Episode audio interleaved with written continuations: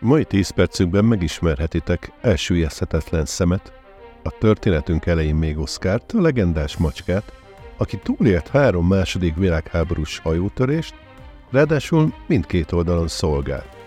A legenda szerint elsüllyeszthetetlen szem egy német csatahajó fedélzetén kezdte karrierjét, de miután hajóját megtorpedozták, a britek megmentették, és ő oldalt váltott. Tények, anekdoták, sztorik. 10 perc podcast.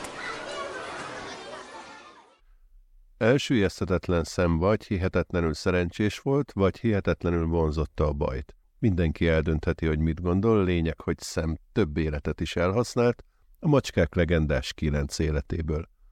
A fekete-fehér macsek közel öt éven keresztül kísérte a haditengerészet katonáit, akik harcra indultak az Atlanti-óceánon a második világháború idején. A legenda szerint a tengeren elsüllyesztetetlen szemnek három különböző támadást, és sikerült teljesen sértetlenül megúsznia. Fontos megemlíteni, hogy vannak, akik kételkednek abban, hogy a három szerencsés megmenekülést ugyanaz a macska vitte volna véghez. De pontosabban bizonyítani ők se tudják, mi pedig szeretjük a legendás történeteket, úgyhogy hisszük, a cica tényleg elsüllyesztetetlen volt. Már egy hajótörés megúszása is hatalmas fegyvertény. Az már más kérdés, hogy erősen vonzotta a bajt, de hát háborúdult, ugye?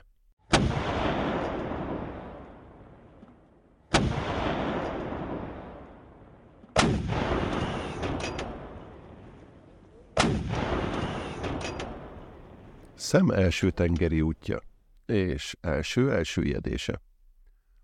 Történetünk főhőse 1940 körül Németországban még kadzeként született, katonai pályafutását tisztességes hajó macskaként kezdte, a Bismarck német csatahajó fedélzetén.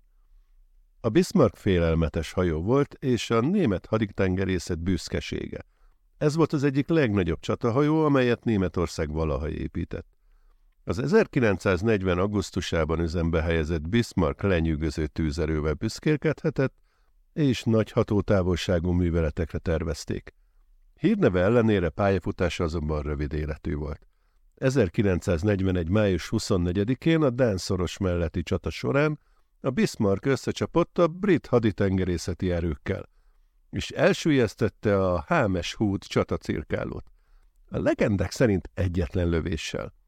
A húd elvesztése elég rosszul esett a brit királyi haditengerészetnek, és intenzív hajtóvadászatba kezdett a Bismarck ellen. A légi és tengeri támadások hatásos kombinációja végül is a Bismarck elsüllyedéséhez vezetett 1941. május 27-én. Ahogy a hajó elsüllyedt, majd a teljes legénységével a 2200 fős legénységből csak 118 élte túl, elsüllyeszthetetlen szem szembesült első hajótörésével. Órákig hánykolódott egy deszkán, mire kimentette a HMS Kozzák nevű csatahajó. És ha már így esett, a britek megtartották és elnevezték Oszkárnak. Főhősünknek nem volt különösebb ellenvetés a név ellen, és az ellen sem, hogy átálljon a másik oldalra. A névről. Elsüllyeszthetetlen szem eredeti neve a Bismarck feledésbe süllyedt. A kozák legénysége nevezte el Oszkárnak a nemzetközi jelzéskód O betűje után, ugye O mint Oszkár, ami a zászlójelzés szerint a man overboardot jelentette, azaz ember a vízben. Csatlakozás a királyi haditengerészethez és a második elsüllyedés. Szóval csodával határos módon szemet a hírneves HMS kozák brit tribal osztályú rombolója menti ki, ami azzal szerzett hírnevet magának, hogy az Altmark ellátóhajón fogva tartott hadifoglyokat norvég felségvizeken a hajót elfogva kiszabadította. A matrózok örökbe fogadták az ellenálló macskát, felvették a hajójukra. Így szem új fejezetet kezdett életében, ezúttal a brit királyi haditengerészet kabalájaként szolgált. Szem viszonylag rövid időt töltött a kozák fedélzetén, 1941. október 24-én a kozák éppen egy konvojt kísért Gibraltárból Nagy-Britanniába, amikor súlyosan megsérült egy U-563-as német tengeralattjáró torpedója által. A legénység nagy részét azonnal áthelyezték a HMS légionra, és a fennmaradó legénységgel is természetesen Oszkárral a fedélzeten megpróbálták biztonságos kikötőbe vontatni a megsérült hajót. Azonban az egyre rosszabbodó időjárási viszonyok miatt ez teljesen lehetetlenné vált. Október 27-én újabb robbanás történt a hajón, ami az előső részének egyharmadát megsemmisítette. A legénységből mintegy 159-en meghaltak. Nos, Oscar ezt a katasztrófát is túlélte, ismét egy úszó deszkáról mentették ki.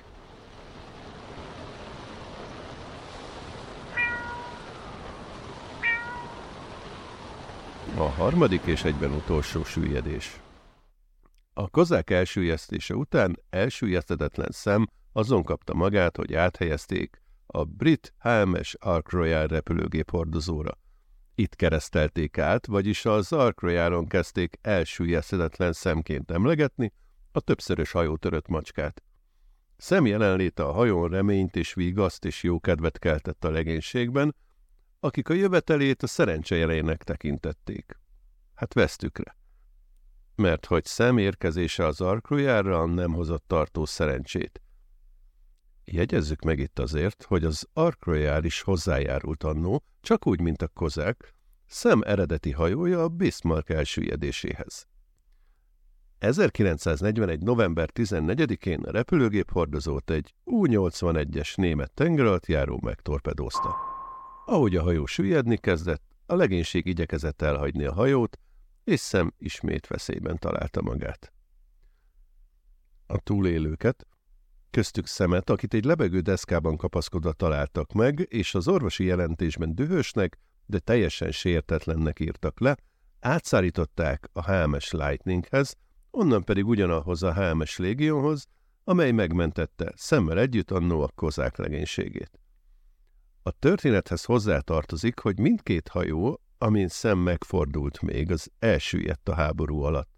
A Légion 1942-ben, a Lightning pedig 1943-ban. Persze ehhez szemnek már semmi köze nem volt. Az obsitos szem. Végső megmentését követően szemet nyugdíjazták és Gibraltárba szállították, ahol a háború hátralevő részében maradt is. Figyelemre mértő túlélési történetek különleges helyet szerzett neki az ott állomásozó tengerészek szívében. A háború után szemet az Egyesült Királyság tengerészei között szállásolták el egy belfasti tengerész otthonban. Itt élte le hátralévő napjait. 1955-ben hunyt el, tengerészek között, ahogy élt, de szárazföldön és békében.